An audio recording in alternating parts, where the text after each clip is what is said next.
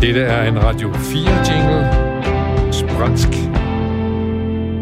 Du lytter til dagens udgave af Dagen i dag, og mit navn er Jens Folmer Jebsen. Velkommen til programmet, hvor vi vender og drejer denne dags tidlige nyheder og leder efter anderledes vinkler. Lige nu sidder du måske og piller næse, succesfuldt, men uagtet hvem du er, uagtet hvor og hvordan du lytter, så videre velkommen her. Velkommen til Dagen i dag, programmet, hvor dagens gæst har fortalt lidt værvet som dagens nyhedsredaktør. Gæsten laver ganske enkelt sin helt egen top 10 og de mest tankevækkende nyheder, og begrunder selvfølgelig sine helt personlige valg.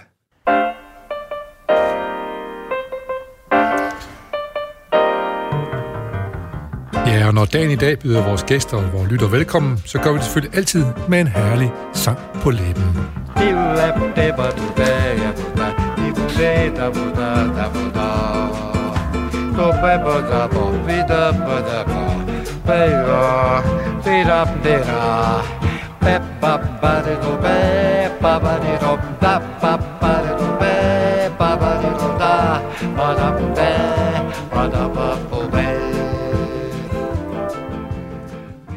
Ja, du lytter som sagt til dagen i dag, og mit navn er Jens Folmer Jebsen, og vi hørte lige uh, Antonio Carlos Jobim synge en lille bossa nova her, og jeg har faktisk fundet ud af, uh, jeg er begyndt at interessere mig rigtig meget for, jeg blevet forelsket rigtig meget i bossa nova her på det seneste, mere end normalt. Og jeg har så fundet ud af, at det faktisk er en rigtig god bro til de gæster, jeg har i studiet. Jeg kan se, at du kan også godt lide det her bossa nova, Jørgen Nielsen. Velkommen til. Mange tak. Du, uh, du spiller ikke selv bossa nova, selvom du er musiker, vel? Jo, man spiller jo, man spiller jo det, som man nu bliver sat til, Ja. når man er musiker. På den måde, som du er musiker. Ja. Fortæl lige om det. Jamen altså, hvis vi tager Bossa Nova-vinklen, så, så er jeg så heldig at spille med nogle, øh, indimellem med nogle musikere, som, øh, som har et meget nært og varmt forhold til, til specielt den, den der brasilianske Ja. musik der. Ja. Med bløde, bløde saxofon og lækkert slagtøj. Ja, og, og hvad, er det, hvad er det, det kan jo ud over bløde saxofoner og slagtøj? Det er også, folk siger, de synger ikke helt rent, og de, øh, de pitcher ikke helt på samme måde, som vi vil gøre det, og der er en rytme i, altså det er sådan, der, altså det, jeg forsøger at indkredse, hvad, hvad er det? Jeg spørger altid musikere, hvorfor er det bossa nova, det kan et eller andet særligt? Jamen altså, der er jo sådan en, øh, der er sådan en blødhed og en øh, vuggende rytme i det, og, og, øhm, og så synger de et, et sprog, som ingen af os forstår. Ja, Klart men det lyder bare rigtig lækkert alligevel. Altså, Ja. portugisisk er jo et fantastisk sprog. jeg synes, øh, at det er forkert, når jeg siger, at svensk og portugisisk, de er faktisk sprog, der er rigtig fede at synge på, eller lyder det... Fedt, dem der synger det. Det tror jeg, du har ret i. Det, ja. det har jeg bestemt hørt mange sige. Øh, lad os lige, øh, lad os lige begynde med, at du er musiker. Det vil sige, du sidder også som musiker, og så er der nogen, der ringer og spørger, vil du komme og spille med os? Og så er det- tager du det, der kommer. Udover, at du har nogle faste konstellationer også. Ja, altså det, øh, det første, du siger der med at være sådan en, øh, en first call-musiker, det er jo... Øh, det er der mange musikere, der lever på, men øh, jeg, er nok, jeg er nok den der, når de ringer, så, så øh, siger de ja. Det, vi har ringet til nogle helt del andre, men de kunne ikke. ah, nu er du beskeden.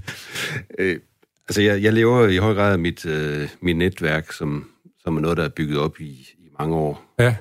Jeg, jeg spiller med jeg spiller med, med folk, som, som jeg har mødt, da jeg kom til byen her i, i 1972, Ja, ja, altså ja. virkelig tilbage i oldtiden. Ikke? Og, så, og som så spiller med nu i forskellige sammenhænge. Som har forskellige sammenhænge, og som øh, sådan gennem årene har udviklet sig knopskudt, og indimellem er man heldig at løbe ind i nye, og heldigvis også yngre, og meget dygtige og musikere. Ja. Og, øhm, Du ud- udvikler dig stadigvæk som musiker, vil du sige. altså, gør jeg, man synes, vel, ja. jeg, jeg synes, at øh, det, det stadium, hvor, hvor jeg er rent udviklingsmæssigt, det er, jeg har fundet det rette forum for det. Altså, Ja. ja. jeg, er ikke, jeg er ikke konservatoruddannet, og jeg, jeg er ikke i stand til at gå ind og for eksempel spille bas i, big band eller symfoniorkester eller sådan noget. Men øh, jeg har et stort repertoirekendskab, det vil sige, at jeg har spillet en masse forskellige slags Ja. Så du er godt klædt på. Men, skal, men nu siger du, at du spiller i forskellige sammenhænge. Man kan, også, man kan også roligt sige, at dit liv er, har også bygget op af, af ikke en stringent øh, strategisk øh, vej. Altså, du er født i, dine forældre er fra København, og så de flyttede til Sønderjylland og fik dig. Og så øh, fik du en bror, og så blev dine forældre skilt. Ja.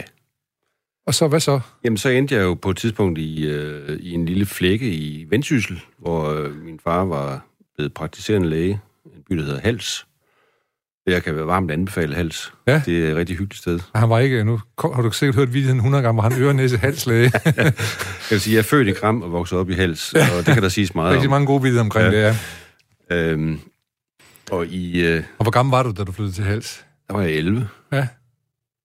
Så du har, du har noget at sige morgen, morgen, og du nåede også at spise Ja, noget, ja, ja. noget kagebo dernede. Ja, ja, jeg, jeg kunne, kunne sagtens jeg tale flydende sønderjysk. Ja. Så skulle jeg så lære at tale Wendelbo-mål i stedet Ja. for. Og så fik man jo en over nakken. ja, det kunne jeg forestille mig.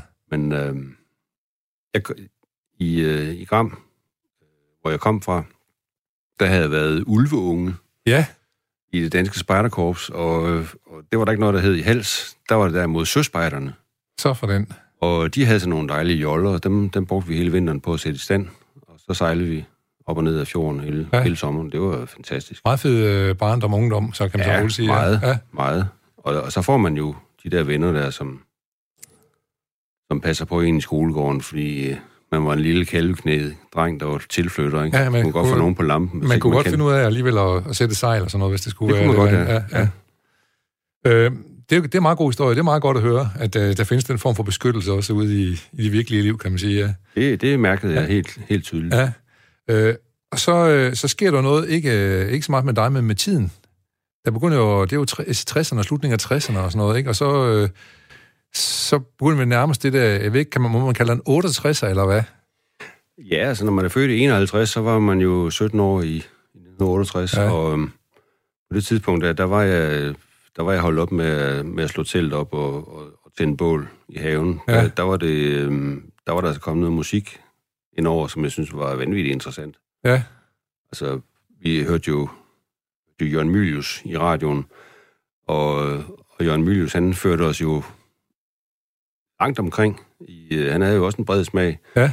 Førte os øh, langt omkring, øh, havde de der forskellige øh, hit, hitlister og så ja, videre. ja, ja. Ligesom, ligesom her, jeg er inspireret ja. Ja. det her program her. Og på et tidspunkt, der, der jeg havde sådan en lille, jeg havde en høvlebænk, og, øh, hvor jeg gik og lavede ting i træ, og på et tidspunkt, så tænkte jeg, jeg vil lave en guitar. Så lavede jeg en guitar, og den, øh, den, den duede ikke rigtig til, til noget. Så i løbet af... Men det satte en retning. Det satte en retning, helt klart. Øh, måske var det første bare tanken om, at jeg synes, det så flot ud. Ja. Men øh, altså, musikken var jeg jo vild med. Jamen, hvad, hvad, det, hvad var det, der tiltalte dig med musikken der? Hvad, hvad er det, der gør en, en en på en 15, 16, 17 år pludselig bliver ramt af et eller andet? Er det er hormoner i sving, eller hvad pokker er det for noget, der er i gang i? Eller er det, man kan sige, er en ny tid, der åbner, så den skal jeg være med i? Eller Ja, altså, du er formodentlig også langhåret. Ja, det, øh, det kom nok, nok først, øh, ja, måske lige omkring øh, gymnasiet, tror jeg. Ja, ja. Vi var nogle stykker i, i første G, der aftalte, nu ville vi altså være langhåret. Og øh, der var også et par stykker der, der havde, havde nogle guitarer. Og, øh, da jeg kun havde den der hjemmelavede guitar der, så fik jeg fat i en bas i stedet for. ja. Og det var, Den, der sådan set spillede på lige siden, eller i hvert fald instrumentet. det, det var en basgitar, og, og senere hen er det også blevet til, til kontrabasser. Ja. Det, det er sådan en anden historie senere hen. Ja. Jeg skal lige høre, der, der, der var også musik, du har også fortalt, at, øh, at du jo rent faktisk pludselig gik på opdagelse i din fars pladesamling. Ja, øh, det gik op for mig, altså, jeg var som sagt skilsmissebarn, men øh, fik så kontakt med min, min far igen, og øh, I Gram. ja, i Sønderjylland i hvert fald, og det, det, det, gik, så, det gik så op for mig, at øh, hans pladesamling øh, både rummede øh, jazz og rock. Han havde sågar, han var ret vild med Doors, og altså, det, det satte jo øh, en, der fik jeg en høj stjerne hos mig. Ikke? så, så, respekt. Det var helt fantastisk. lige. Altså en, en, en voksen, næsten gammel mand, der Ja. kunne høre Doors, og han kunne høre Fessers Big City Band og Frank Sinatra. Og, øh, Der var, var en bred smag der, ja. ja. Ja. ja. og øh, Så på den måde kan man sige, du har det ikke helt for fremmed, det med musik der. Han spillede ikke selv, og der var faktisk ikke rigtig nogen i vores familie, der spillede. Øh, bortset fra, at, øh, at min, min nye far, min stedfar, havde, en, øh, havde to søstre, som var... Den ene var organist i Lindholm Kirke, Ja. og den anden sang i, øh, i kor på et højt plan. Så på den måde, så... Øh, altså, når vi var til familiefester, så kom der jo folk fra symfoniorkesterne, og så, så spillede Okay. de kammermusik. Så, Sådan, så det var, okay. Du har, fået, du har fået det ind med, alligevel fået det ind, hvad kan man sige, i opdragelsen af ja. De der musikting der. Vi skal snakke meget mere om det, fordi øh, der sker jo det, at du, øh, du, bliver, øh, du tager til Aarhus, fordi nu skal, nu skal være slut med det der musik og det lange hår og, og hast. Du skal, nemlig, du skal nemlig være, du skal nemlig være læse på universitetet. Ja, altså man skulle jo Ja. have en eller anden uddannelse, ikke? Og, og øh, min studentereksamen var ikke noget at råbe hurra for, så, så der var ikke alle døre stod ikke åbent. Men det var øh, i starten af 70'erne, så 71, 72, ja. Når du kom til Aarhus, ja. Ja, jeg nåede lige en smut øh, et, et, et sabbatår, hvor jeg var ude og køre gaffeltruk og arbejde på cementfabrik. Og, Og det, og, det, og det gav vel noget credit, når du kom på universitetet, fordi det var jo dengang, at marxisterne de virkelig huserede. Så hvis der kom en, der bare mindede lidt om en arbejderhelt, ja. Øh, til gengæld så, så... Altså, nu havde jeg jo været i et år ude på arbejdsmarkedet ja. og, og kendt jargonen på, på arbejdspladserne. Så jeg synes, at øh, altså marxisterne, altså bogmarxisterne var... Altså, der, de var nogle klarpat, mange af dem. Ja. Altså, de anede ikke, hvad det var, de snakkede om. nej. Men til gengæld så, så, så betød det, det år på, øh, på arbejdsmarkedet, øh, på, på det sparske vilkår, rent, både rent fysisk og psykisk, det var, at jeg tænkte, det er ikke her, jeg skal være resten af mit liv. Jeg skal lave noget andet. Og det kan vi, så, kan vi så samle lidt op på, når vi går videre, for nu skal vi nemlig til nogle af de her nyheder, du har valgt i dag. Ja, Hvad du, øh, er, hvad du er, har tænkt over i tidens løb her. Øh, vi får lige vores lille groove her, som indikerer, at nu skal vi i gang med top 10.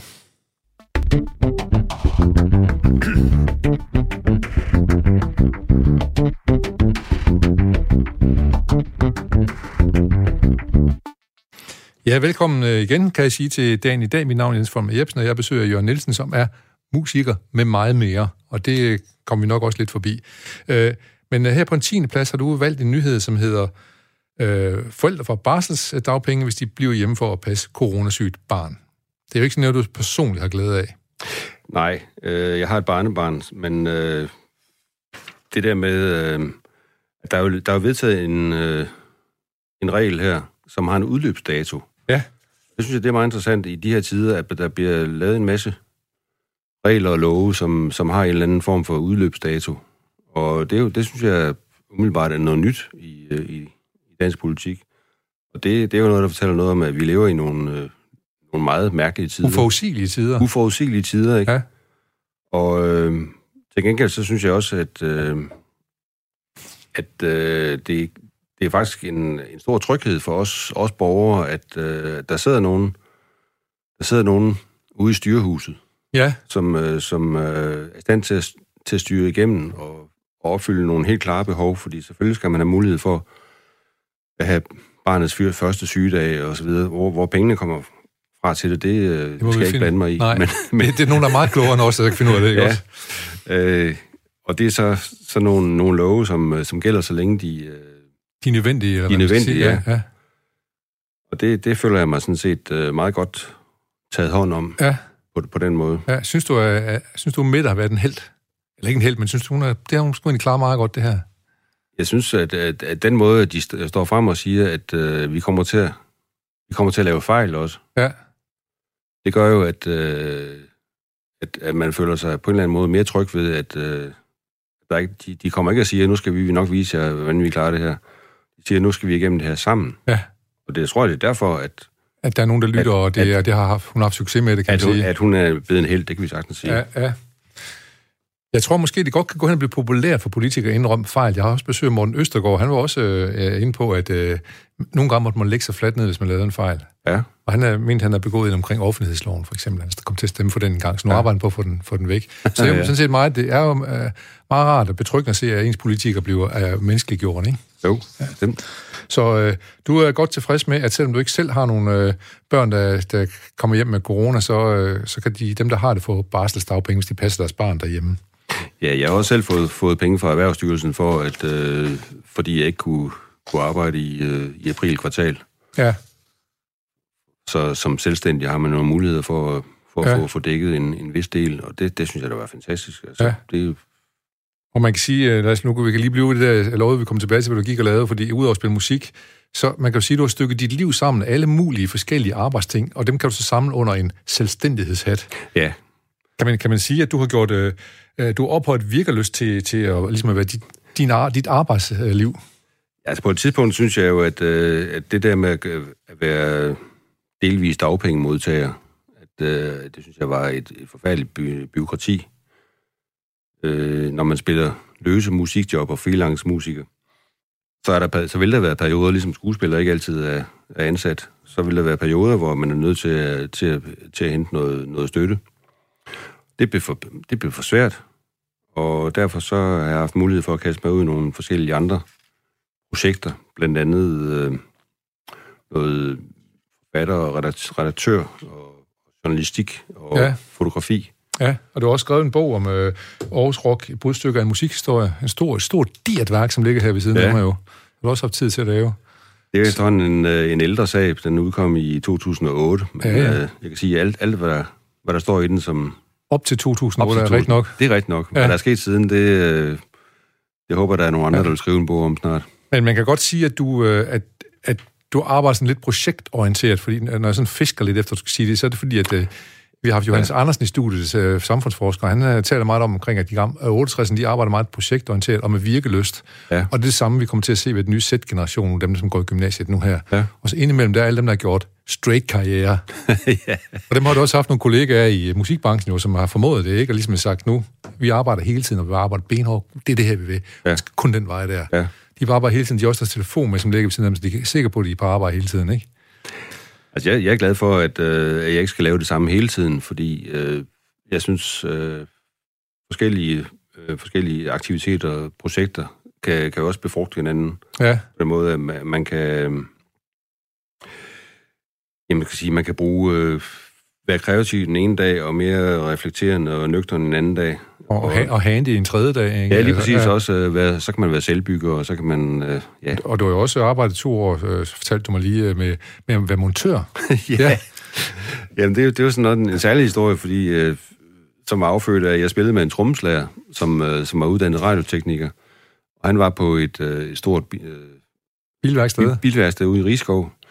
Og det var den dag, hvor øh, omkring der, hvor, hvor det blev lovpligtigt, at øh, man ikke måtte, måtte tælle mobiltelefon ah. i, i bilen længere. Altså, vi er, vi er langt tilbage. Vi er tilbage... Øh, ja, i starten af 2000, så ja.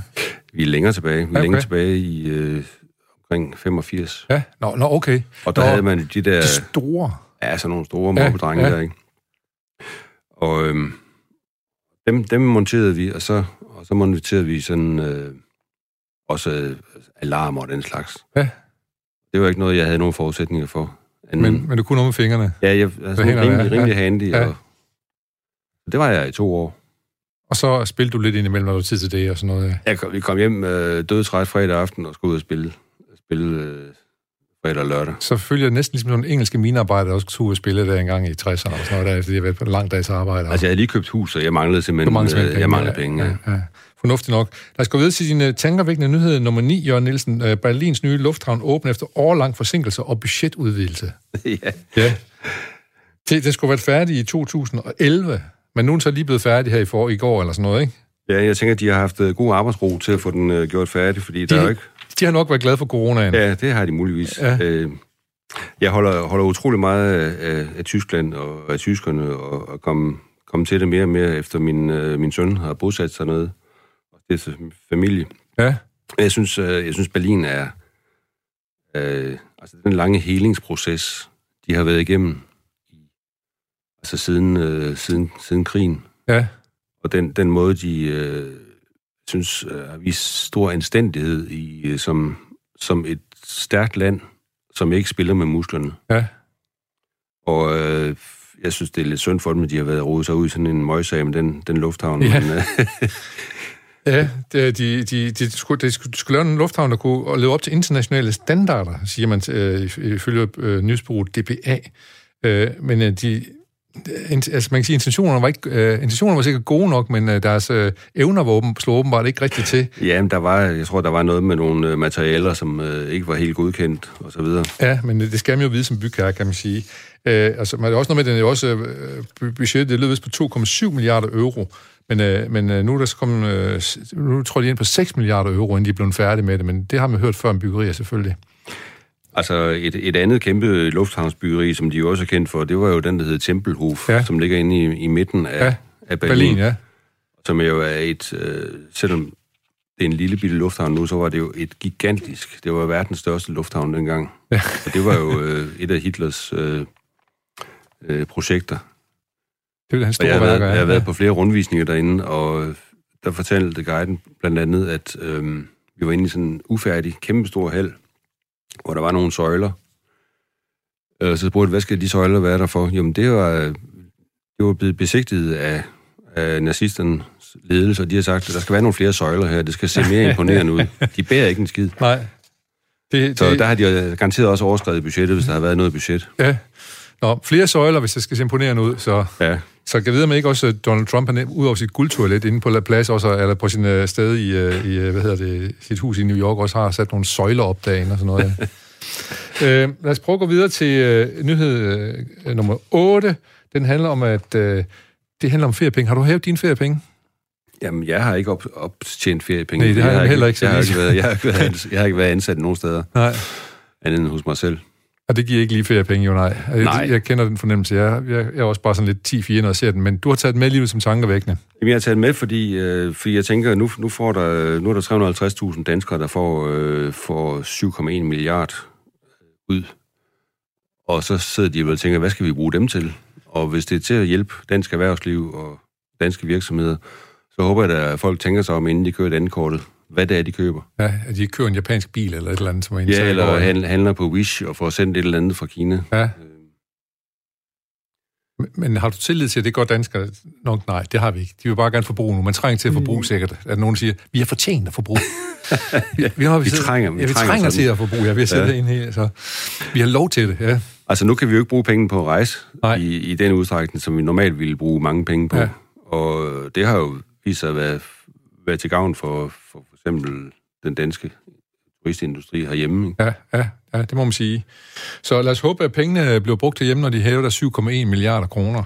Øh, så vi kan få gang i, i, i julene, som man sagde engang. Kan jeg huske, det snakker meget om i 80'erne, vi skal have gang i julene også være, at de bestiller noget mere levende musik til deres fester eller sådan noget. Det kan også godt være, hvis ja. de må holde fester jo selvfølgelig. Ja, lige præcis. Men vi kan i hvert fald opfordre folk til, om ikke så hyre nogle bands nu, og så ja. betale gerne forud. Ja, det skal de, det skal de ja. gøre. Og på at rejse, vi går videre til din nyhed nummer syv. Den handler nemlig om en amerikansk gæst, der vil ud at rejse. Han er taget til Thailand, hvor han jo også bor. Han vil bo på hotel, og nu risikerer han fængsel, fordi han har givet en rigtig dårlig anmeldelse på TripAdvisor.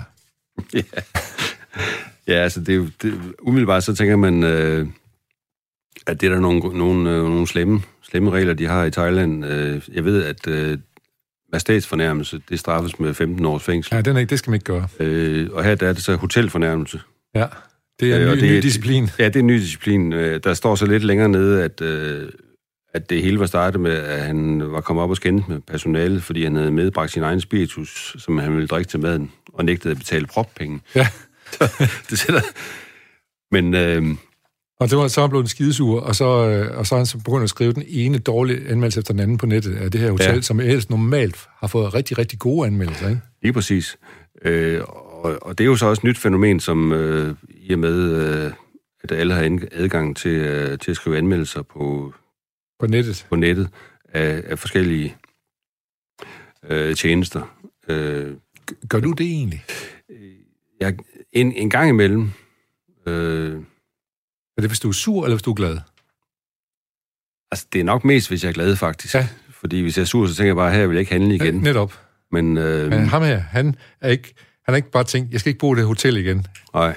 Jeg skal kraftedeme nok fortælle dem. Jamen altså, der er jo ingen tvivl om, at øh, altså, en, en dårlig anmeldelse på Trustpilot, og hvad de nu hedder, de, de kan betyde meget for ja, specielt en, ja. altså, måske en lille, lille øh, nystartet virksomhed ja. eller en, en, en restaurant. Øhm, så du synes på en måde også, det er i orden, at man har mulighed for at tage til genmæle juridisk set, som man gør her i Thailand? Altså, han, han har jo åbenbart øh, nærmest været ude på at slagte det her hotel. Ja, jeg ved ikke, hvis man ja. har stalket dem på nettet, ja, ikke? Ja. ja. Gentagende gange har han skrevet, at, at de opførte som om, de virkelig ikke ønskede at have gæster, og han har simpelthen virkelig været nedladende ja. hele vejen igennem. Øh, og, men, men hvad er det så for, han står til i, øh, i, i bøde? Altså, han, har allerede, han har allerede set to dage i fængsel. Nu er han kommet ud på kauktion og ja, risikerer en, en bøde på cirka 40.000 kroner for, øh, for at have, have brokket sig. Ja, og så to års fængsel. Ja.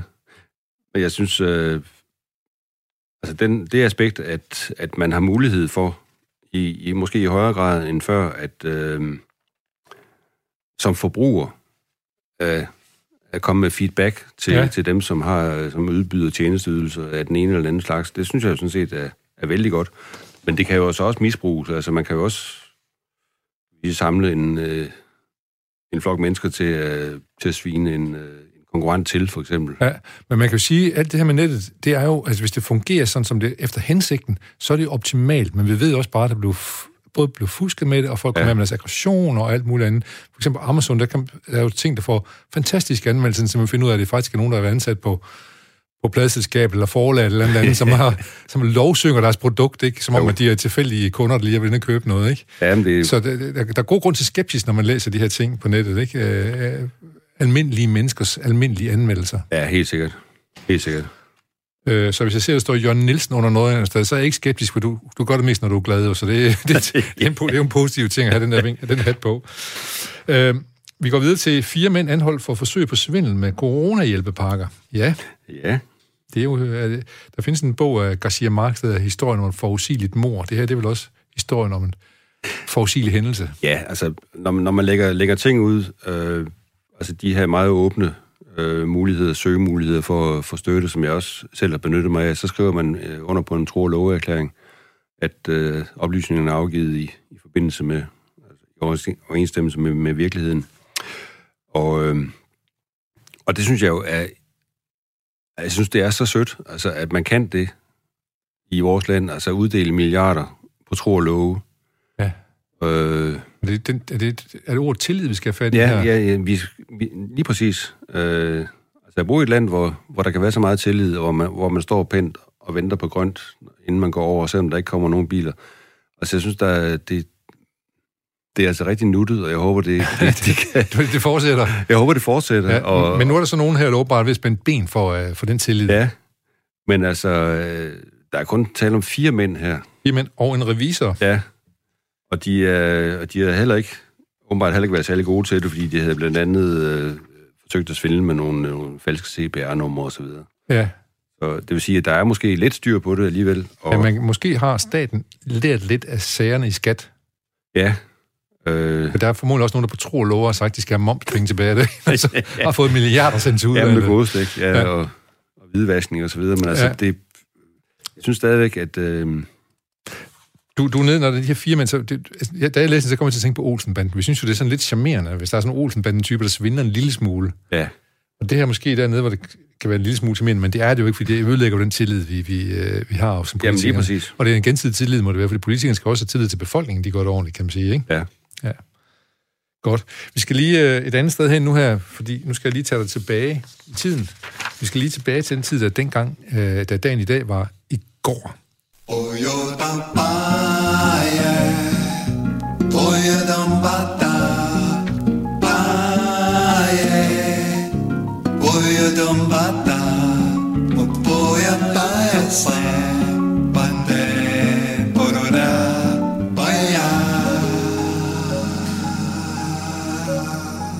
Ja, og øh, vi har sådan nogle nyheder, hvad der skete der den 30. september øh, i nogle tidligere år.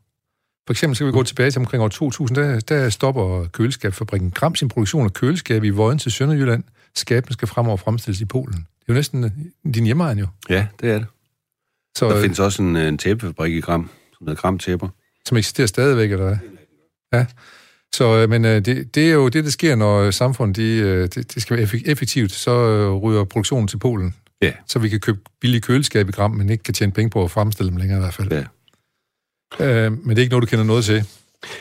Det øh, altså i og med, at de, jeg tror aldrig, de er blevet lavet i, i Gram, Gram fordi det var brødrene Gram, der startede fabrikken. Ja, så de blev lavet i Vojens, ja. som står her selvfølgelig, ja. Øh, så er, har du en næsten navnebror her i 1995. En fyr, der ikke hedder Jørgen, men hedder Hans Nielsen. Han blev for fjerde gang verdensmester i individuel speedway den 30. september. 95. Ja, altså det er jo, det var også fantastisk. Jeg hørte, jeg hørte en anden nyhed på en anden kanal her, eller var det her? Måske. I morges. At øh, man havde ringet, øh, man havde sådan et, et program, hvor man, hvor man ringede til folk, som havde, havde annonceret for et eller andet i den blå avis, Og der var så, det ringede de til en, der havde selv, ville sælge et, sætte et golfsæt til salg. Og de snakkede længe med den herre der. Og så lagde de på. Og så bagefter begyndte folk at ringe ind. Er I klar over, det var Hans Nielsen, I snakkede med? ja, nej. Og der er sikkert set nogle forholdsvis unge morgenvagter, der ikke vidste, hvem Hans Nielsen måske Ja, lige præcis, var. ja. Og nu kan vi så fortælle, at i 95, der var han sgu fjerde, for fjerde gang verdensmester i individuel speedway. Ja. Så øh, øh, vi, vi var ret gode i speedway der. Vi havde, det startede med Ole Olsen, ikke? og så kom Ja. Erik Gunnarsen og Hans Nielsen, og Ja, lige forskellige andre der. der Jamen, det var jo en kæmpe, kæmpe stor sport. Ja. Jeg synes ikke, man hører meget til den længere. Nej, øh, der er nogen, der stadigvæk er okay danske, men de blev ikke sådan verdensmester på stribe, som de engang blev her. Nej. gang der sad vi på det hele øh, hold verdensmesterskabet og, og duo verdensmesterskabet, hvad det nu hedder, så vi sad på det hele på et tidspunkt. Ja, men vi har jo også været dem, der, der, der vandt Le Mans hver år med, med Tom Christensen. Det er rigtigt, men det var så Tom, det var Tom Ja. ja. han tog den skulle lige 10, over 10 gange Ja. ja. eller sådan noget, ja. Det er faktisk, så blev det så godt øh, med det her Speedway, at Ole Olsen, han startede sin egen, han simpelthen anlagde den første Speedway-bane. Stor, stor stil, faktisk øh, nede i Vodens, ikke? Mm. Hvor han kom fra. Ja, ja. Øhm, 1970, 30. september, færgeruten København-Aarhus, København-Aalborg blev nedlagt. Det var så før, du flyttede til Aarhus, så det har du aldrig rigtig for alvor prøvet. Men der kunne man så sove lidt på færgen, når man tog til København, og så Ja. ja. være derovre. Navn Aalborg, kan jeg huske. Ja, det er klart. Fordi der, der, der tog vi over og besøgte familien i efterårsferien. Det er klart, sejlede du, du med- kommer fra København oprindeligt, din familie kommer fra København. Ja. Så sejlede vi øh, over og besøgte morfar og mormor. Så sejlede vi med Jens Banks Stenhus, eller HP Prior. Sådan, og det, og det tog mere end to-tre timer at sejle ja, derover, ja. Så sejlede man øh, ud igennem Limfjorden og bukkede tværs over Kattegat. Og det tog man faktisk godt kunne få lyst til igen, sådan en, en sommerdag eller sådan noget, ikke? Eller, eller andet, og så sidde på dækket og... Jo, og man stod jo også noget øh, til dagligt, eller hver aften kunne man stå nede på Halshavn og se, se skibet sejle ud. Ikke? Ja, Det så ud, som om det sejlede på markerne, fordi der er så fladt deroppe. det er nok klart smukt. Ja. Jeg har hørt mange, der bor i nærheden af en havn, de tager ned og ser, hvem der kommer ind med færgen. Det er meget sjov øh, ting. Øh, I 86. den 30. september, der er, blev den israelske atomtekniker Mordechai Vanunu kidnappet af Mossad, det vil sige den israelske sikkerhedstjeneste, mm. i Rom, og får 18 års fængsel i isolation. Han har nemlig røbet hemmelighed om Israels øh, øh, atomprogram til London-avisen The, The Times. Aha. Det skulle han aldrig have gjort. Det var, men ingen, der vidste, at Israel havde atomvåben på det Nej. tidspunkt, indtil han begyndte at fortælle om det. Øh, I 1968, øh, der blev Niels Helve Petersen overført for det radikale Folketingets yngste medlem, som 29 år i 1968. Øh, nu kan vi lige snakke om Tyskland. Du talte lige før om Tempelhof. Jeg kan også sige, i 66 ved midnat 30. september, der blev de tyske krigsforbrydere Albert Speer og Baldur von Schirach løsladt fra Spandau-fængsel i Berlin, efter at have afsonet 20 års fængsel. Det bygget om til 600 fanger, men har nu kun én tilbage, Rudolf Hess. Og han er også død nu. Ja. Så uh, those were the days. Vi Det skal er den lige, det øh. Ja, vi skal lige hurtigt lige notere altså lige nogle fødselsdage. For eksempel øh, i dag har Martina Hingis, den øh, svejsiske tennisspiller, fødselsdag. Hun har vundet Wimbledon og en store turneringer mange gange. Frank Arnesen har sgu fødselsdag i dag. Han blev født i 56. Oh. Så han kunne også lidt med musik. Han, det var ham, der sang for, når der skulle laves fodboldsange. Ja, han sang dejligt. Ja. Øh, og sådan anden også sang, øh, Mark Bolan har ja. fødselsdag i dag. Jeg siger, han døde så i 77 ved en trafikulykke. T-Rex. T-Rex, lige da hans øh, karriere den var op, var op til peak, så Ja. ja. kørte han galt. Ja. Og det var, øh, det var der så også en anden, der gjorde, øh, som døde faktisk den 30. september. Øh, James Dean. James Dean, ja. Ja. Ganske skuespiller. Han kørte også galt i sin bil, Ja. ja. han var i gang med at voldsomt at peak i sin karriere, kan man Ja. sige. Så han, han kørte galt i 24 år gammel i 1955 og blev Ja. ja. dræbt. Øh, så ja. Jeg I kan en ikke lige Porsche, tror jeg. Hvad? Jeg tror, han kørte i en Porsche. Lige frem, ja. Øh, Udo Jürgens, han er, han er fødselsdag i dag. Den tyske sanger. Jeg vidste, du vidste det. Stærkt, Jørgen. Og så er Frank Rikard også fødselsdag i dag. Og så øh, kan jeg sige, undertegnet og min kæreste, øh, vi blev øh, i dag, for 30. september, for 10 år siden gift i New York. Tillykke. Ja, tak. Det skal jeg huske at sige, når jeg kommer hjem. vi skal lige sparkes bag igen, for nu skal vi videre med vores nyheder.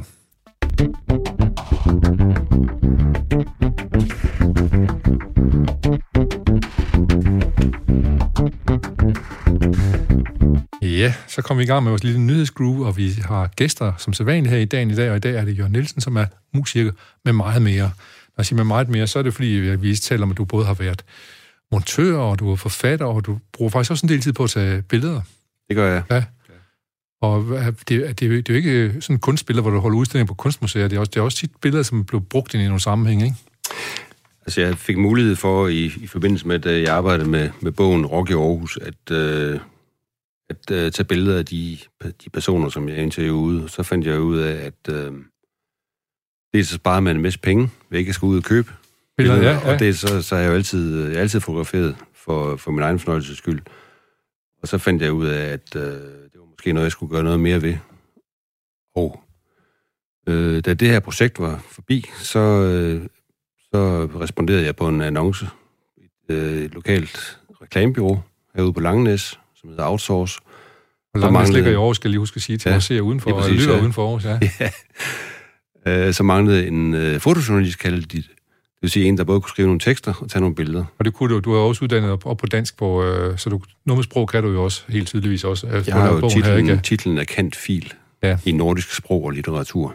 Der har vi to og noget til fælles, kan man så må sige. Dejligt. Ja, det er en fin, meget, meget fin titel. En god ballast. Ja. Og den er meget bedre end, øh, en kendt med, som jo dem er der mange af. Ja, Kenfil, det, det er sådan lidt mere sjældent. Det er, Nå, det er eksklusivt. Det er eksklusivt, altså bare, bare blive enige om det. Så, men du tager billeder så er nu også til mange forskellige ting, både på reklamebrug, ja. men også til, du har også haft en enkelt øh, større fotoudstilling sammen med, med Paul Beading. Så vidt. Ja, for, øh, for et par år siden øh, blev jeg inviteret med til, øh, til Filippinerne af en øh, organisation, der hedder Dansk International Bosætningsservice. Yes, det er jo, det er jo navn, der er nemt at huske. Forkortet DIP. Ja. De har lavet projekter på, på Filippinerne i mange år, og de var ved at runde af og lukke ned derude. Og øh, projekter for slumbeboere i øh, kriseområder. De ville gerne have en øh, fotoudstilling. Så der var vi ude i, øh, i nogle uger og tage billeder. Og gennem et øh, større redigeringsarbejde, og, og har nu en øh, udstilling, der hedder Slum Blues. Ja, selvfølgelig. Der skal der musik ind under der. Ja. ja. ja. Øh, og den, som, den, den kører rundt og, øh, og, og faktisk bliver udstillet forskellige steder? Ja, den ja. er hængt her på Aarhus Rådhus og på Godsbanen og på øh, forskellige medborgerhus og biblioteker. Og øh, er i øjeblikket på vej til Jørgen Gymnasium. Den, det, er, det, det, det, det har taget sit eget liv, kan man sige, den udstilling. Ja, altså, den, øh, den, øh, den kommer, kommer ud og hænge, når, når der er behov for det, og billederne er til salg. Og heldigvis er også nogen, der har købt nogle af billederne. Godt.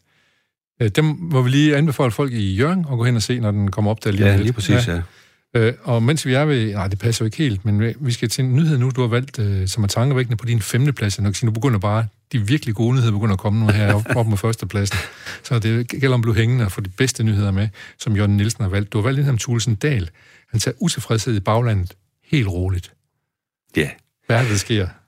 Jamen altså, det er jo klassisk eksempel på, at det er jo altid øh, nemmere at være med på vognen og sjovere at være med på vognen, når, når det går opad, end øh, når det går nedad. Og øh, der er vel et eller andet rigtigt i det gamle ord, men når krybben er tom, så bides hesten. Fordi der er jo en magtkamp i gang. I Dansk Folkeparti, ja. Ligesom der har været i, øh, i andre ja. øh, partier på, på den tabende fløj. Ja. Og, og Thulesen Dahl, øh, øh, han er jo ikke typen, der lægger sig fladt ned og giver op, bare fordi der er noget magtkampe. Nej, Altså, han, han mærker jo en øh, ånden i nakken fra, fra Morten Messerschmidt. Ja. Og han så åbenbart nu været inde og, og lave en eller anden form for opstramning i ledelsen. Ja, han har simpelthen fyret nogen. Så han er, det blev, betyder blandt andet, at, øh, det kunne jeg da forstå ud denne nyhed, at øh, Pia Kærsgaard ikke længere er med i indercirklen. Ja. Men det, det pussy, når man så hører det her lydklip, det ja. er jo, at øh, han åbenbart har spurgt hende først, om hun synes, det var en god idé, at hun så skulle fyres. den der nyhed med, at hun blev fyret på en sms, den har måske ikke noget på sig helt. Lad os lige prøve at høre, hvad det er, han siger, øh, øh, Christian Thulesen Dahl. Ej, ej, bestemt ikke. Øh, tværtimod, øh, så lytter jeg selvfølgelig meget til det, Pia siger, og det er jo også derfor, jeg tog en snak med hende specifikt om det her i sidste uge, fordi det her, det vil jeg ikke foretage, uden at jeg kunne fornemme, at hun synes, det var en, altså uden jeg kunne fornemme, at hun synes, det var en, en fornuftig idé. Og det synes hun, og derfor har jeg, har jeg udført det, som, øh, som jeg har drøftet med hende i sidste uge. Tror vi på det? Altså en endevenlig leder, som skal hjem og spørge mor først, det, det virker ikke helt det, det gør det men... ikke. Der er Søren Espersen og der, der er store unge talent, Peter Kofod, rød, rød, rød også ud ved samme øh, lejlighed, ja. han nedlagde det her ja. øh, koordinationsudvalg. Øh, altså, man kan sige, at han får selvfølgelig ro på bagsmækken, hvis Pia Kjærsgaard giver ham lov. Men, men det er også lidt pyldret, ikke? Jo, det vil også sige, altså, øh, man kan måske godt øh, savne lidt, lidt mere, skal vi sige, øh, modigt lederskab der. Ja, eller en form for format, men man kan sige nu, der er så meget ballade i det der parti lige i øjeblikket, at, øh, og det skal jo gå fremad. De har bare gået tilbage og tilbage og tilbage. De er vel mm. op nogle 20 procent af stemmerne, ikke? og nu er de nede på 6 procent af stemmerne, tror jeg. Ja. Øh, og så er der nogen, blandt andet uh, Pia Kæsgaard, som er begyndt at, at skubbe lidt på for at få Morten Messersmith kørt op som ny formand, i stedet for Thulesen Dahl. Ja. Og når først sådan en uro kommer, så er det vel svært at få, hvad skal man sige, få ånden ned i flasken igen, ja. hvis man hedder Thulesen Dahl. Og så kan han hoppe og danse næsten lige så meget, han vil. Men spørgsmålet om det hjælper noget. Ja, altså fordi øh, man, man kan jo sige, at øh, der er ingen tvivl om, at øh, Christian Thulesen Dahl har jo optrådt ved utallige mange øh, finanslovsforhandlinger med, Sin gule lapper. Med, med de gule lapper der, og er ingen tvivl om, en, en dygtig teknokrat kender, kender, kender lovgivningen. Men øh, Morten Messersmith har nok mere karisma og en bedre taler. Ja. Øh, og, mere, og måske virkelig mere hensynsløs, når det kommer til stykket. Ja, sandsynligvis også mere populistisk, ja, vil jeg tro. Ja. Øh, men det får måske syn for samarbejdet. Så jeg tænker, at det eneste, der kan undgå, det eneste, der vil kunne give Christian Thulesen en lille smule fred, det er vel, hvis, hvis de der sager, som øh, Messersmith har hængende omkring sig øh, fra EU-felt og meldt-sagerne, som ja. det hedder, hvis ikke det viser sig dog, at Thulesen Dahl også, som det antydet flere gange, måske også involveret i dem. ja. Så ender det sgu med, at Pia Kærsgaard, hun blev leder igen. Og så skal I se løjer. Vi er nødt til at afvise det som fake news.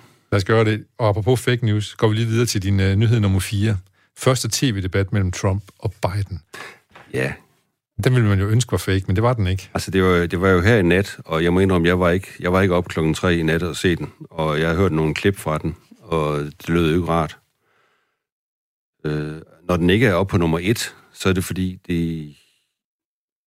Altså, nummer 1 nyhed, det bliver jo, det kommer her i november. Ja. Når, når vi ser, hvem, hvem, ja, 3. 3. november, der er hvem, hvem der vinder. Ja.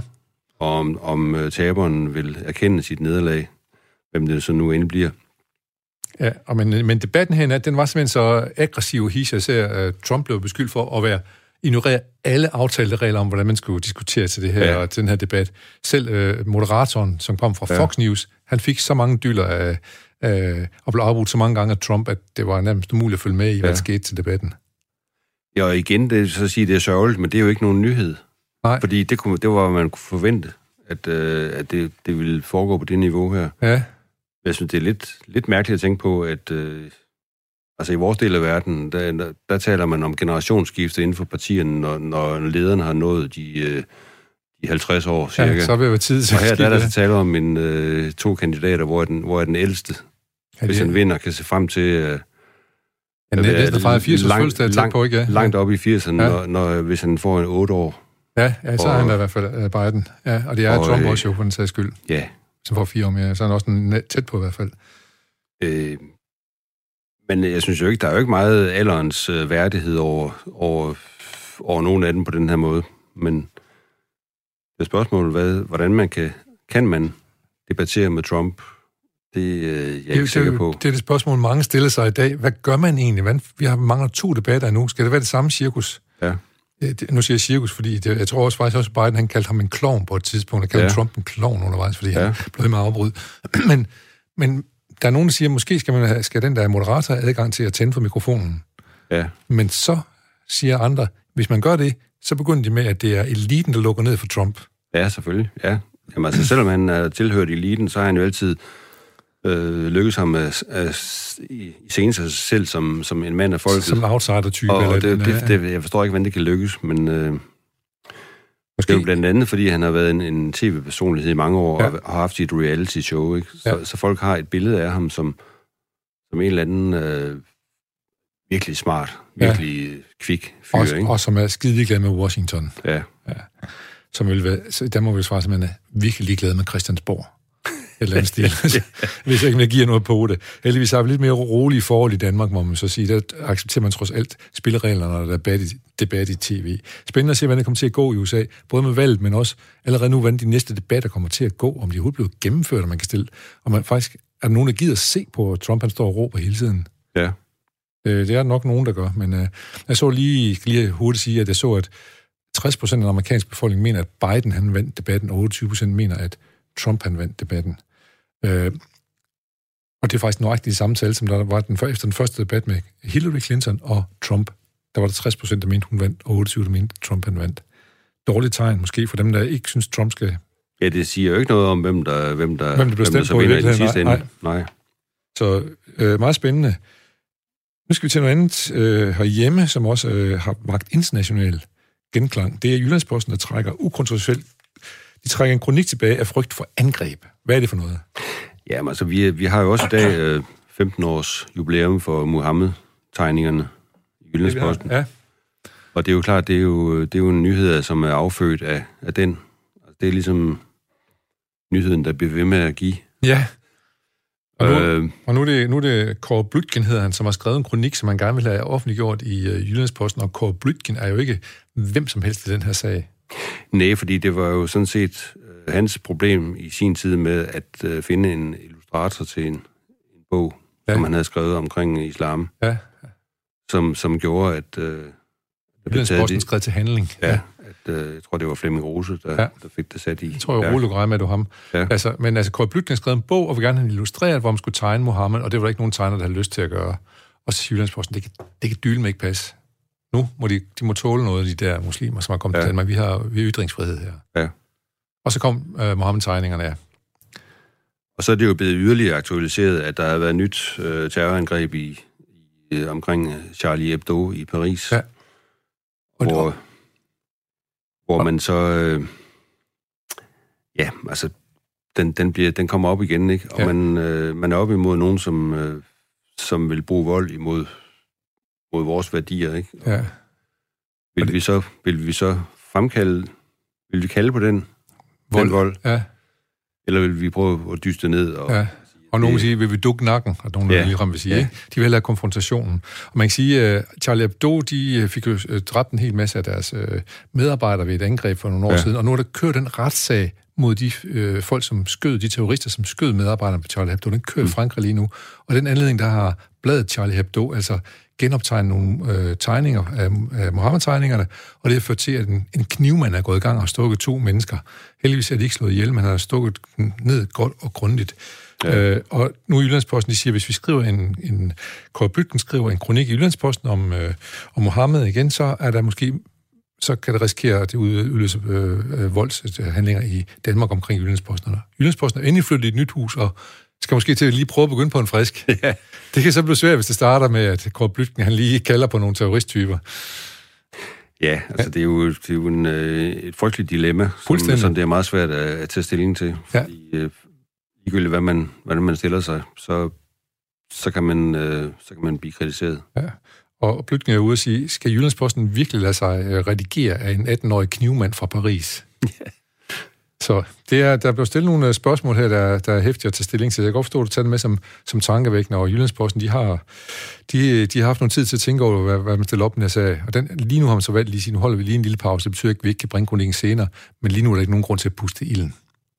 Deres forrige hovedkvarter ude i Viby var jo, var jo hegnet ind som, som Fort Knox. Fuldstændig. Med, med pigtråd og Ja. kamera og overvågning. Det er jo, det er jo sørgeligt, det skal, skal, skal være nødvendigt, men øh, Det er langt fra den tillid, vi talte om før. Som vi Det er meget langt derfra, ja. Vi skal videre til øh, sydkoreansk studie. 9 ud af 10 tidligere coronapatienter oplever følger bagefter, vil sige, men når man bliver rask, er man ikke, måske ikke helt rask, hvis man hører til den gruppe af 9 ud af 10. ja. Hvorfor er det tankevækkende? Jamen blandt andet, fordi øh, det er jo tankevækkende, fordi det er jo en, en, en sygdom, vi ikke kender.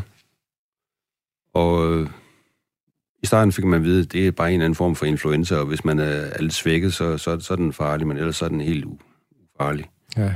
Og i USA fik så- til at vide, at den, den stopper lige om lidt. Ja, det, øh, det øh, når, du, når, når sommeren kommer, så er den væk. Sådan væk, ja. Og det var den så ikke. Nej. Øh, I, Så- i, jeg tror, var i går, at der, er passeret 1 million smittede, eller 1 million døde af coronavirus. øh, Ja. Så den er ikke helt forsvundet, kan vi så roligt sige. det der med, med senfølgerne, altså det, det, der hører man jo om øh, mange meget ubehagelige fænomener. Så øh, Og det, det, det, det der er måske også lidt forfærdeligt ved coronaen her, det er det, the great unknown, det, det, det, det store øh, ubekendte. ja, Hvad, hvad er det, den kan, hvad er det, den gør? Ja, altså fordi vi har jo været vant til, at når, når man øh, har haft en øh, infektionssygdom, altså, at når man så øh, har dannet antistoffer mod den, så, er man, Som er rask. så, er man, øh, så kan man ikke få den igen. Nej. Det er det heller ikke sikker på, at man ikke kan. Nej. Så det er sådan lidt skruen uden ende, altså hvor mange, hvor mange penge og hvor mange restriktioner skal vi indføre Ja. på, på den konto her. Det er spændende at se, hvor meget indflydelse det får på vores hverdag om to, tre, fire år, sådan, om det ja. stadigvæk er noget, vi ligesom bare øh, har indrettet os på også, kan man sige, eller været nødt til at indrette ja. os på. Øh, men øh, mange ønsker jo, at de kommer tilbage til en hverdag igen, hvor man ikke mm. tænke over det her. Ja. Og det, man kan vist roligt sige, at der, bliver, øh, der er gang i øh, de forskellige medicinalfirmaer, der gerne vil opfinde en, en vaccine mod det her. Du kan se, der kommer en øh, her formodet med formodet, der kommer ligesom der en graviditetstest, så kommer der her snart i løbet af en måneds tid eller to, så man kan tage en test derhjemme og se, om man er smittet. Ja, eller man har været smittet. Øh, også en anden til, ja. Okay. Men også, om man er smittet, fordi så kan man blive hjemme, eller man kan oh, advare folk ja. og sådan noget. Eller hvis, ja. hvis nu du møder ind i byen, og gerne vil gå med hjem, så kan I lige teste hinanden, og så finde ud af, at øh, I begge to er smittet, uden for smittefare, eller ikke er smittet. Ja. Ja. Så det, det, det blev, det blev en, og, det, og det, der får du svar efter et kvarter hvilket jo er en stor forbedring i forhold til, hvordan ja. det er nu. Men det er det store ubekendte, vi er ude med den her corona. Det er spændende at se, hvordan øh, den udvikler sig. Øh, og nu er det, jeg, glæder mig rigtig meget til at komme frem til øh, din tankervækkende nyhed nummer et. Jørgen Nielsen, du har, ja. du har 10 gode øh, tankervækkende nyheder, men nu kommer ind her, den hedder gylde.dk. Ja. Det, er det må jo, du forklare. Det er jo, ja, den klarer en forklaring. Øh, for nogle år siden stødte jeg på et øh, nyhedsbrev, øh, som bliver udgivet af en, øh, en journalist, der hedder Kjell Hansen, som er blandt andet har skrevet en, øh, et diert værk, der hedder Det tabte land, som handler om den måde, som... Øh, Dalgas? Ja, Dalgas og Hedeselskabet jo ja. igennem øh, et, et århundrede stort set øh, med statsstøtte har, har fjernet al natur i Danmark. Ja. Og det er jo ikke kun noget, jeg siger, det er jo et faktum, at, at Danmark er det mest opdyrkede land i verden, næst efter Bangladesh. Ja. Øh, der, der, er, der er ikke noget vildt natur i Danmark. Jeg tror måske, der findes en, en, en 3 kvadratmeter ude ved Mols Bjerge, men ja, det er samme sted, og, og, og, så halvanden meter i min have. Ja. Øh, og, så, øh, og, og, og, man mangler jo. Det er jo det er faktisk øh, ikke bare et tab, men det er jo faktisk også noget, som kan være med til at, at gøre livet lidt lettere for blandt landmænd, hvis der var noget jord, der ikke var blevet brugt, altså, ja. ligger vildt hen, ikke? fordi det kan opveje hinanden en lille bitte smule. Ja. Altså, den, øh, den intensive øh, opdyrkning og og dræning af, af, af naturen. Det har jo haft nogle konsekvenser. Øh, grunden til, at det er en nyhed i dag, det er, at øh, gylde.dk lancerer en ny hjemmeside, som, som, ser, som ser pænere uden den gamle, for at sige ja. mildt. Og, og på den hjemmeside kan man, øh, kan man så læse øh, diverse nyheder omkring, øh, det omkring, øh, omkring landbruget, omkring naturen, omkring... Øh, og sige, bæredygtighed øh, generelt også? Ja, resistens i øh, bakterier den slags, som, som man jo er bange for stammer fra, fra, øh, fra, hus, fra husdyrbruget. Ja, ikke? Ja, ja. Og jeg synes, at, øh, at alle skulle abonnere på det der nyhedsbrev. Det er fuldstændig gratis. Det kommer ind kommer i din mailbox ja. øh, hver morgen. Jeg tror, den mand, han sidder og skriver hele natten. Ja, og man kan ja. kun blive klogere af det. Jeg har meget stor respekt for, for Kjell Hansen, og jeg håber, at øh, han vil fortsætte det arbejde. Og midt i hele har han så også fået tid til at lave en ny hjemmeside, og det er jo dagens nyhed på førstepladsen. Det er nemlig Gylde.dk har ja, fået ja. en ny øh, hjemmeside. Jørgen Nielsen, musiker med meget mere. Det var en stor fornøjelse at have besøg af dig her i øh, studiet, øh, og øh, høre om dine tankevækkende nyheder, og ikke mindst også omkring øh, den måde, du har skruet dit liv sammen på med forskellige, øh, især musik som, hvad skal man sige, ryggraden, men alle mulige små jobs hele tiden. Mm. På den måde ligner du måske øh, de kommende generationer, ifølge vores øh, samfundsforsker her i, i det her program, Johannes Andersen, at sige, at generation Z kommer til at skrue deres liv sammen på den måde også med, hvor man virker lyst, men også springer fra projekt til projekt. Så. Og så er det nu, at vi skal sige, at øh, vi er ved at være færdige. Programmet kan høres på øh, podcasten, når det er blevet sendt øh, lige om lidt. Og så er det også, fik vi også sagt før, at det faktisk er er Mark Bolands fødselsdag i dag. Øh, og selvom han så døde i en alt for ung alder, så synes vi godt, vi kan fejre ham med et lille nummer, som vist nok hedder Get It On.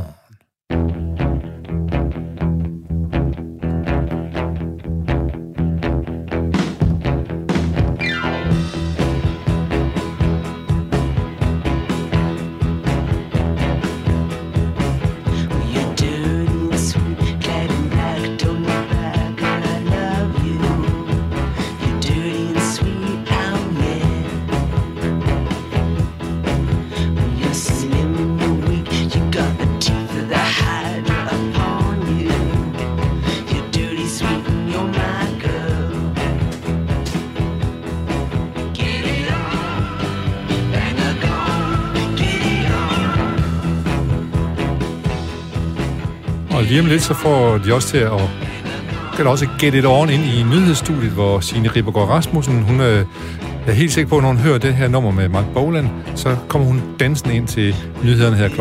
21.